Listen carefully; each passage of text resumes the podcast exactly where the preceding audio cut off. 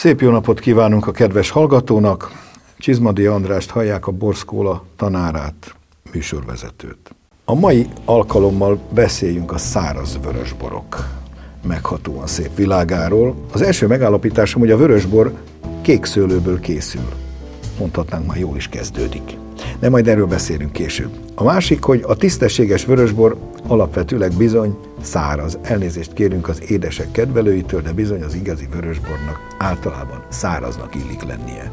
Persze mindig lehetnek kivételek. Erről is fogunk beszélni. Isten dolgába ugyanis nem nagyon avatkozunk, nem illik beavatkozni. Erjedjen a bor, amíg tud, amíg akar és tud, ezért aztán a végeredmény a száraz. Azt is mondják sokan, borhoz értők, hogy az igazi komoly vörösbor inkább mediterrán dolog. Így tartják. Vajon így van ez? Mennyire igaz ez? Például Magyarország, főleg annak északi részei, gondolok itt a Mátrai, Egri borvidékre, nem igazán mondható mediterránnak. Mégis lehet komoly vörösborokat készíteni. Tartsanak velem! Szabadítsuk ki a szellemet a vörösboros palackból.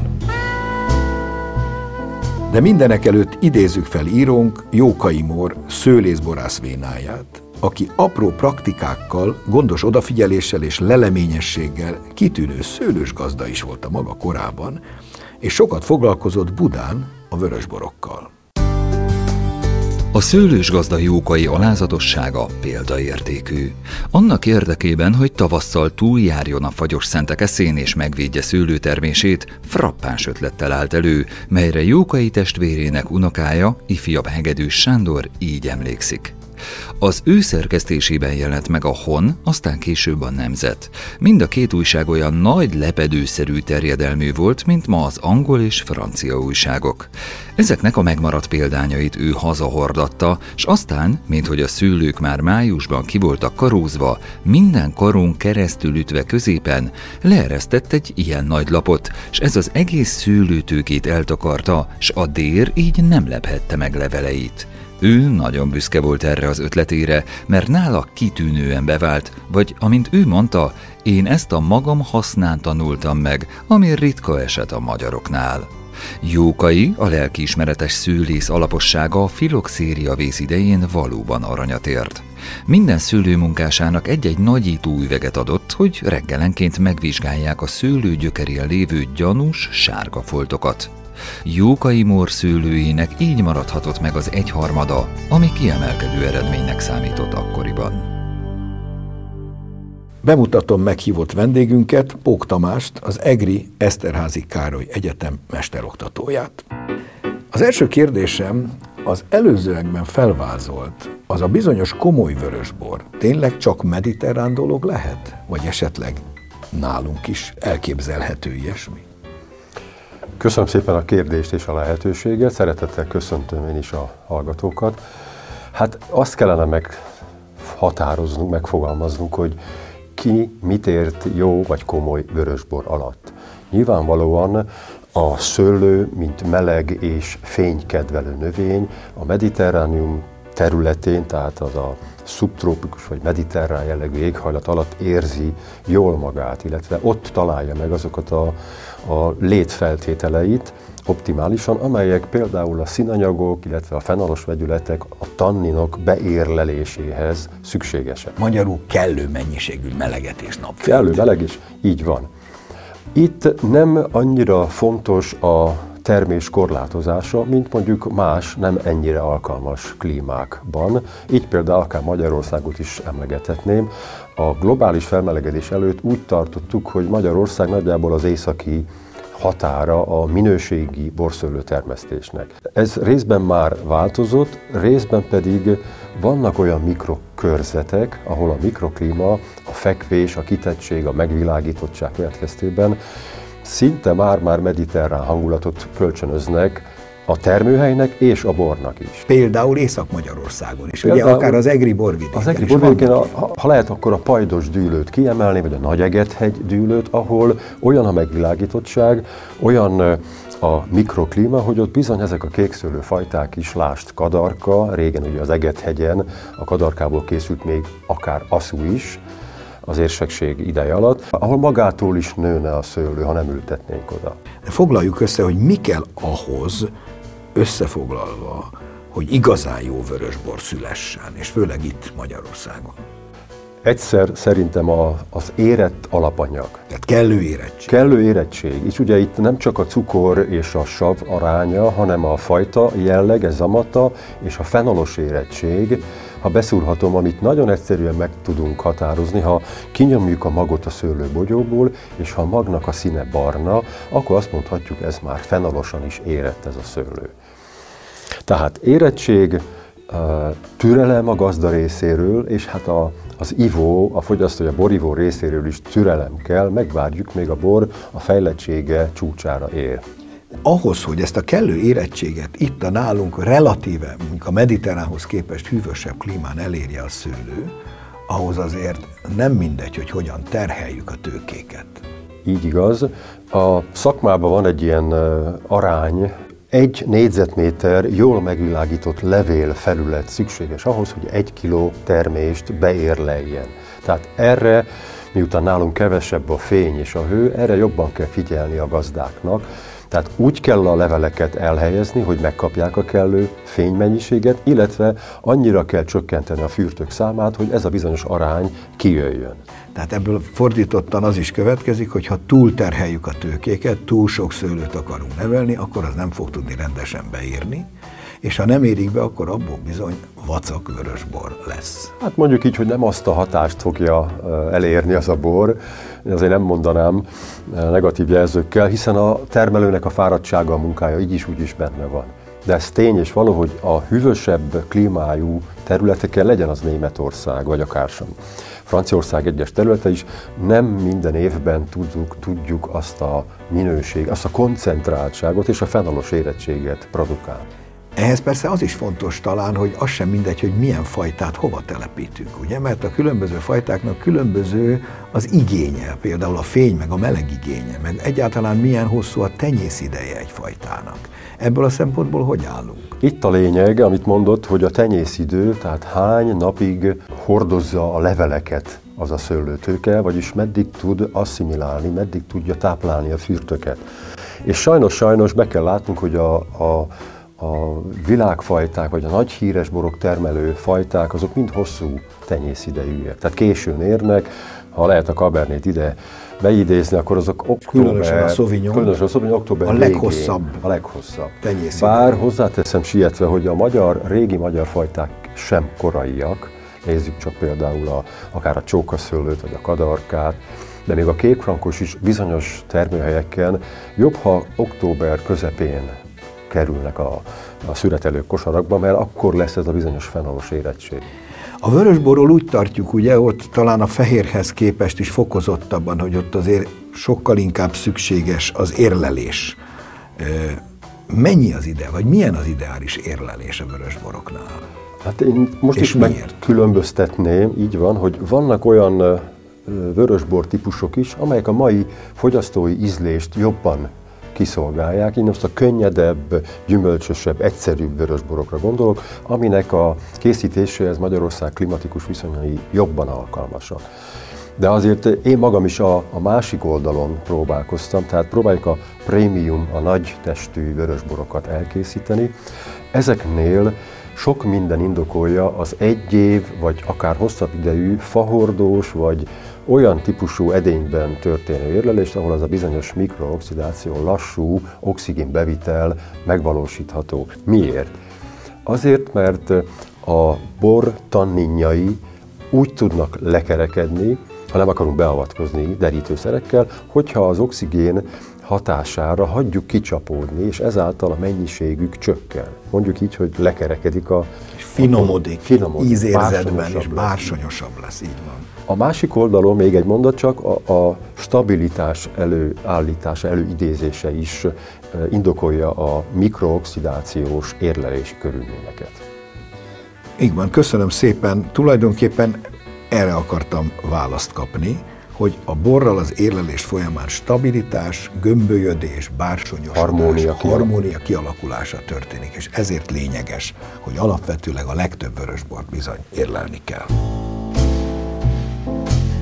A Kárpát-medence talán legjellegzetesebb kékszőlőfajtája, de mindenképpen legelterjedtebb fajtája a kékfrankos. amely hazai felmenőkkel és magyarokra jellemző sokszínűséggel, ötletes megoldásokkal is büszkélkedhet. Sokan mondják, keleti Pinot Noirnak is, már én magam nem nagyon támogatom ezeket a hasonlítgatásokat, de kétségtelen, hogy első pillantásra a minőséget tekintve az olcsó borok alapanyagának tekintik sokan. Legalábbis ezt szokták, szoktuk meg az elmúlt fél évszázadban. Ennél nagyobbat nem is tévedhetne az, aki még nem csodálkozott rá erre a különleges szőlőfajtára, mert hogy ebből sokkal többet is ki lehet hozni. Ahogy ezt már páran be is bizonyítják manapság, de még mindig nem elegen. A kékfrankosról ifjabb Heiman Zoltán beszél. A kékfrankos a legnagyobb termőterületen termelt kékszőlőfajta Magyarországon. A megítélése alapvetően pozitív, hát néha még összerelem az emberek gyomra, hogy nagyon magas a sava, de ez, ez legalább annyira erény, szerintem így a globális felmelegedésnek említve is, mert egy nagyon jó ívás és gyümölcsös tud lenni a kékfrankos emiatt.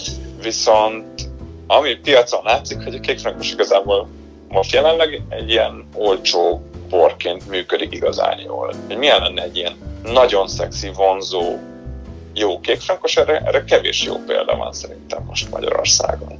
És milyen lenne egyébként egy ilyen szexi, vonzó kékfrankos, ahogy ön fogalmazott?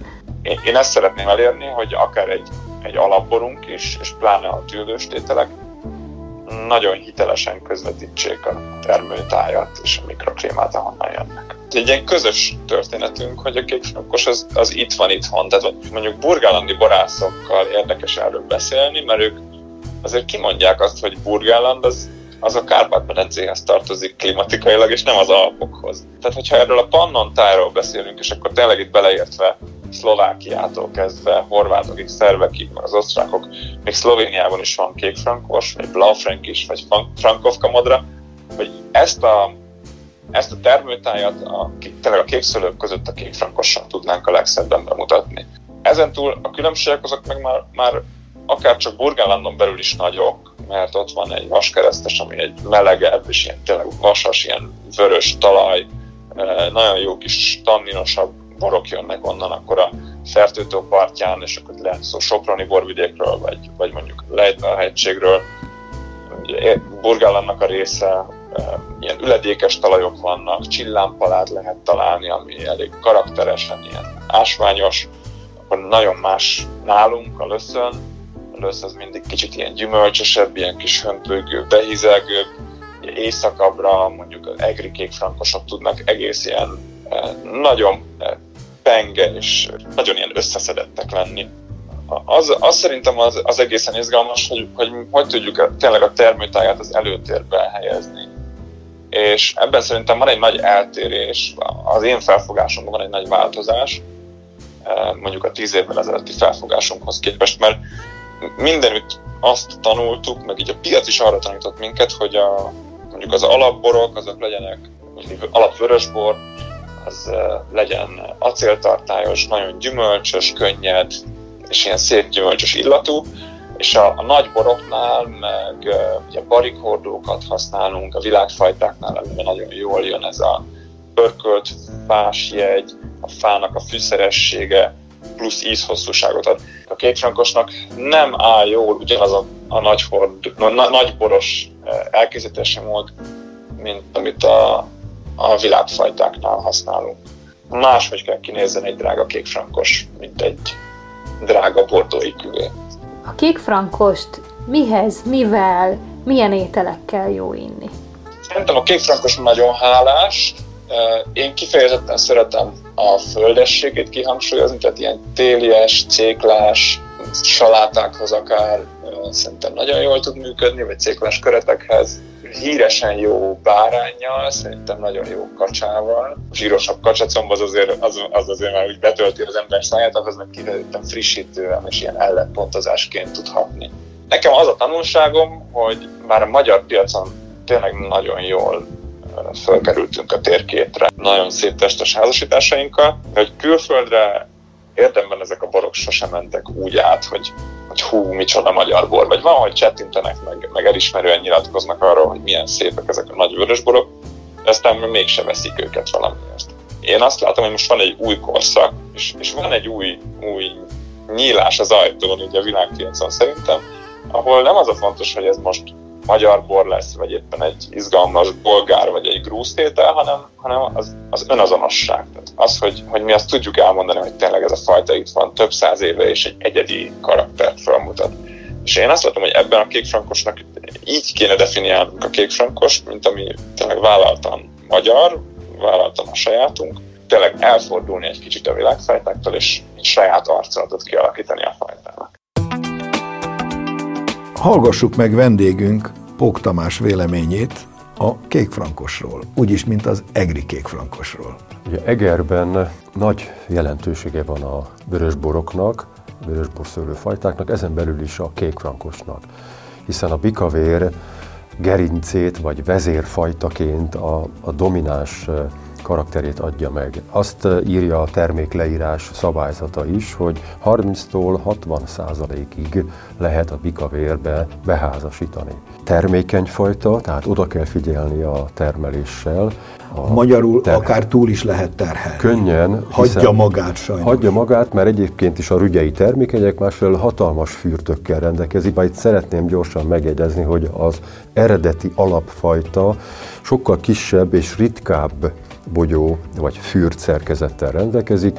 A nemesítésnek a úgynevezett tömegtermelést megcélzó munkája következtében a telt fürtű kékfrankost jelenik. Minél nagyobb legyen és minél több. Minél robusztusabb, és ennek isszuk a levét, most negatív értelemben, mert nem győzzük korlátozni, és ugye hiába hagyunk meg öt fürtöt egy tőkén, ez az öt fürt a méretei miatt másfél kilót is nyomhat. Ami már, már a felső a határ, határ eset, bizony. Van. Hát ezzel éltek vissza nagyon sokáig az előző rendszerben, hogy a kékfrankosból ezért lett egy ilyen tömegbor, mert tömegtermék volt, nem érett be rendesen, hát persze nem volt jó, de azért ezt lehet jobban is csinálni. Pontosan. Tehát a megoldás a kedves hallgató és borivónak nem az, hogy a elfordulva ezektől a túlsavas, túlfanyaroktól az édes vörös felé fordul, hanem inkább a jó vörös felé kellene fordulnia, meg kellene választania, mert hogy vannak ilyenek elég sokan, és egyre többen is, csak megint tudni kell, hová nyúljunk a polcokon. Az emberek általában a száraz jelzőt félreértik, tehát ő azt mondja, csak az édesbort szeretné vörösből mert túlságosan, a száraz túlságosan szárító, vagy, vagy keserű, vagy húzós. A tévedésben vagyunk, hiszen a fogyasztó rosszul fogalmazza meg a problémáját. Ő igazából a szárító csersavakra, a túl hangsúlyos tannintartalomra panaszkodik. Éretlen tannin. Az éretlen és a, ugye akár a fa tanninjaival kiegészített, megtetőzött valóban szárító érzetre mondja azt, hogy ő nem szereti a szárazat. És sajnos ilyenből elég sok van még mindig a piacon, sok főleg az olcsóbb kategóriában. De igazából nem az a cél, hogy akkor tegyünk bele cukrot, bár a cukor sok mindent elfed, az olyan, érzékelés során, olyan, mint a smink, de nem ez az igazi probléma, hanem a tannin tartalom éretlen tanninból és túl sok tanninból áll a bor, és ezért érezzük szárítónak, száraznak. A kadarka a kékszőlők talán legelterjedtebb fajtája volt, nagyjából ugye a második világháború, meg még egy kicsit az azt követő, talán még az 50-es években is. Aztán sajnos lecserélődött, sajnos vagy nem sajnos, de tény a kék frankosra. A kadarkából viszont aztán a Kádár rendszerben megmaradott részéből sokszor is silány, ilyen kis tanninszegény, kommersz tömegbor készült belőle, az se biztos, hogy az mind kadarka volt egyébként emiatt is majdnem kihullott az idő rostáján. Babics Mihály költőnk, úgyis mint szexárdi kadarka termelők leszármazottja, azt írja, hogy szülővárosának szexárdnak szimbolikus növénye a kadarka, amely mint titokzatos állandóság ott lappang minden múlandóság mélyén. A kadarkáról ifjabb Heiman Zoltán szexárdi borász beszél. 150 évvel ezelőtt nagyon széles körben elterjedt, leginkább ivóbornak használt vörös borfajta volt, tehát ez volt a hétköznapok bora. Amit sokszor ugye víz helyett is ittak. Abszolút, de akkor még a bor eleve más pozíciót töltött be az életünkben, mint ma. Ugye még nem volt annyira a sör se trendi, tényleg a bor volt a, a mindennapok üdítő itala. Így a rendszerváltás környékén Tehát az elmúlt mondjuk 20 évben, 30 évben a kadarka nagyon lesajnált volt. Tehát gyakorlatilag a világháború óta csak, csak, csak csökkent a jelentősége. Fogyott a termőterülete, iparosodott művelés volt, bejöttek a traktorok, bejött a nagyüzemi kultúra, és ebben a kultúrában a kadarka nem volt sikeres, nagyon rothadékonynak ismerte mindenki, ismerik meg ma is amúgy. Nem volt, aki felkarolja annak idején, vagy miért lehetett ez? Nagyon sokat változott a, a szőlőhöz való hozzáállása az embereknek. Tehát ez a kis háztáji birtokokon ugye sokkal nagyobb odafigyeléssel tudtak dolgozni, és aztán bejöttek a, a nagyüzemi ültetvények, ahol azért így kellett, kellett a tőkéknek egy eredendő megbízhatósága ahhoz, hogy, hogy az jól művelhető legyen. Ebben a kadarka nem, nem igazán jó. Tehát a kadarka nagyon sok odafigyelést igényel. Mondjuk Igen. akár egy kékfrankoshoz, akár egy merlóhoz képest. Ahogy mondta is, ugye a kadarka rothadékony. Most már megvan ez a több odafigyelés? Mi nagyon sokat tanultunk a fajtával való működésről, korán levelezzük, tehát a, a közvetlenül virágzás után érdemes leszedni a levelet, hogy a fürtzónát nagyon szépen átjárja a szél, és ezzel jobban szárítsa. A másik probléma a fajtával az, hogy elég heterogénen érik, tehát minden évben van benne egy 10-20, akár 30% éretlen fürt, ezért több lépcsőbe szüreteljük, tehát mindig az éretteket szedjük le, ami éretlen, azt még fölhagyjuk, hát ha lesz még olyan időjárás, hogy megérik. Tehát egy csomó ilyen finom hangolásra van szükség ahhoz, hogy magas minőségű bort tudjunk készíteni a kadarkából, és ez sok meló. Tehát én azt látom, hogy a, azoknál, ahol a kadarka így nében báj, van egy pár százalék, eh, vagy egy, egy pár tőke így a, mondjuk egy ültetvény szélén, sose fog működni. Tehát a kadarka akkor működik, hogyha az ember tényleg nagyon sok energiát, meg figyelmet rá tud szánni, és ez nálunk így van, mert, mert nagyon sokat fejlesztettünk, tehát területileg is most már most 4 hektár kadarkánk van, az már úgy egy szignifikáns mennyiség. De aztán meghálálja a kadarka, nem? Hiszen rendkívül finom. Hát én nagyon szeretem már szőlőként is, tehát egy nagyon jó enni a kadarkát. Nagyon dzsúzos, tehát egy ilyen jó lédús a szőlő. Borként meg kell találnunk azt a stílust, ami igazán jól működik, és kicsit küzdök mindig a, a nagyapámmal, így poszthumusz sajnos, mert már elhunyt, ő még mindig azt mondta, hogy a kadarka tíz évben kétszer lesz jó vörösbor. És ebben amúgy igaza volt, de szerintem nem ez a kulcsa a kadarkával való dolgozásnak, hanem én inkább pirosbornak fogom föl. Tehát kicsit, ilyen, kicsit úgy szedjük, mintha egy fehér szőlővel lenne dolgunk, és, és nem kell az, hogy magasabb alkoholja legyen, vagy hogy sok színe legyen, nem attól lesz jó. Pirosbor úgy fogalmazott? Szabad ilyet mondani a vörösborok világában? Szerintem simán. És, és, hát és igazából egyrészt én ezt nagyon szeretem, ezt a, ezt a stílust, amit találtunk. Másrészt azt látom, hogy a világpiacon iszonyatosan jó visszhangra lehet. És akkor legyen tényleg San Francisco-tól New Yorkon keresztül Nürnbergig és Moszkváig, a Kadarka most a legjobban eladható borunk. A neve is nagyon jó, jól hangzik így, hogy kadarka olyan igazi magyaros, pörgős, tűzről pattant. Hát a neve az érdekes, mert Magyarországon most már újra trendi, tehát hogy sokan foglalkoznak vele, vagyis sok mindenkit érdekel. Mondjuk Lengyelországban, vagy a régi Kelet-Németországban még most is pejoratív. Kicsit így összerándul az emberek gyomra, hogy ú, az az édes, gyenge vörösbor, az biztos, hogy olyan lesz és akkor mondjuk, hogy nem. Távolabbi piacokon meg azt látom, hogy, hogy most mindenre van nyitottság, ami egy kicsit más, és egyedi, és jó. És a kadarka eléggé más és egyedi, és szerintem nagyon jó. Kérdezem Pók Tamást a kadarkáról. Egerben fontos szerepe volt még a bikavérben is korábban. Meg a kadarkának egyéb változatai vannak. Itt is különböző klónokról beszélhetünk. Így igaz, ahogy Szexárdon úgy a, az egri bikavérnek is a meghatározó fajtája volt, a kadarka. Már amíg volt kadarka elég. Már amíg volt. Én emlékszem, amikor kezdtem a pályafutásomat, akkor a pince soron mozgó emberek mondták, hogy figyelj oda, ha bikavért készítesz, kadarka nélkül nem tudod megtenni. Tehát már ott is a, a reflexek között volt a kadarka. Már ejtettünk szót a kékfrankosról és a kadarkáról.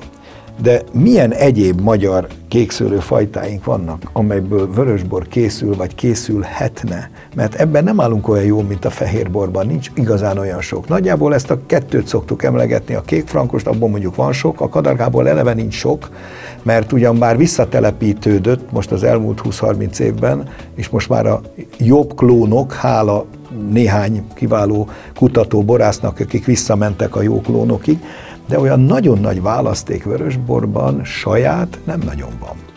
Ez szomorú igazság. Összességében, hogyha az egri bikavér termékleírásra gondolok, mint egy 9-10 fajtát sorol föl a lehetőség között, és ebből csak a kadarka és a kékfrankos az, amelyiket eh, Kárpát-medencei fajtaként tekinthetünk. Az is igaz, hogy ahogy a fehér fajták esetében vannak vagy voltak a vörösök között is lehet magyar fajta lehetőségeink, ezek azonban valamilyen oknál fogva kikerültek a közszermesztésből. Ezek a filoxéra után tűntek el gyakorlatilag. A filoxéra előtt őrült nagy fajta körünk volt, mindenféle, rengeteg régi fajta volt, és valamiért ezek nem kerültek vissza. Egyrészt a, egyrészt a filoxéra, másrészt pedig a, a termelés technikai, létrejöttek a nagyüzemek, amelyik technológiáját nem bírták ezek az igényes fajták. Tehát egyrészt későn értek, virágzási probléma miatt keveset termettek, és nem bírták a magas művelést, ezért vesztettük el a bakatort, a barátcsuhát, a csókaszőlőt, a porcsint, és ezek nyomokban megtalálhatók még egy-egy féltveőrzött kincsként génbankokban, vagy újra felfedezett termelőkertjeiben. Elköszönök vendégemtől, Pók Tamástól, az EGRI Eszterházi Egyetem mesteroktatójától. Köszönöm a szíves részvételét. Köszönöm a lehetőséget. És most hallgassuk meg, mi újság a borok világában. A híreket Vajda Boglárka szemlézi. 2021. április 8-a és 20-a között 140 borbíráló és mintegy 8000 minta részvételével zajlott a legnagyobb német borverseny a Berliner Wine Trophy. A Nemzetközi Szőlészeti és Borászati Szervezet által akreditált megmérettetésen a szabályok szerint a teljes mezőny legfeljebb 30%-a kaphat érmet a közel két és fél ezer díjazott között 105 magyar bort találni, közülük heten ezüstérmet, 94-en aranyérmet, négyen pedig nagy aranyérmet hoztak haza.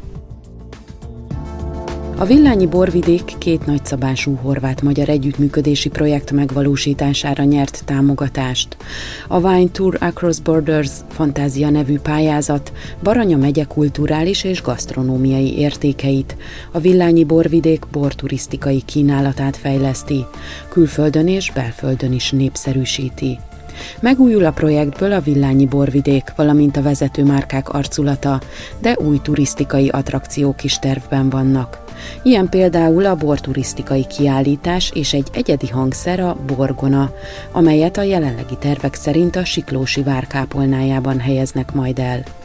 Fejlesztik a borúti táblarendszert és közönségrendezvényeken ismertetik meg a borvidék egyedülálló kínálatát az érdeklődőkkel. A Dekanter májusi számának 36 oldalas speciális melléklete a magyar borokkal ismerteti meg a világ borfogyasztóit. A világ legismertebb borászati szaklapja az Egyesült Királyságban elérhető magyar borokat és az export szempontjából legjelentősebb magyarországi borvidékeket mutatja be világszerte a Wines of Hungary UK szervezésében az Agrármarketing Centrum támogatásával. A 60 ezer nyomtatott példányban megjelenő magazin külön száma a magyar borok egyik legfontosabb exportpiacának számító Egyesült Királyság mellett Európában és az Egyesült Államokban is a polcokra kerül. A magyar borok történetének ez az eddigi legszélesebb közönséget elérő borkommunikációs kampánya. A szerzők bemutatják a piacon már jól ismert tokai aszú és a száraz furmint mellett a legkiemelkedőbb száraz, fehér, rozé és vörös borokat. A mellékletben megismerkedhetnek az olvasók a Tokai, Egri, Szexárdi, Villányi borvidékkel és a Balatoni borrégióval. A mai műsorunk véget ért, a hangmester Végvári Balázs nevében is megköszönöm figyelmüket, szép napot, jó vörös borokat kívánok, Csizmadia Andrást hallották, a Borszkola tanárát. Mai adásunkat a mediaclick.hu honlapon hallgathatják meg újra. A műsort az MTVA készítette 2021-ben.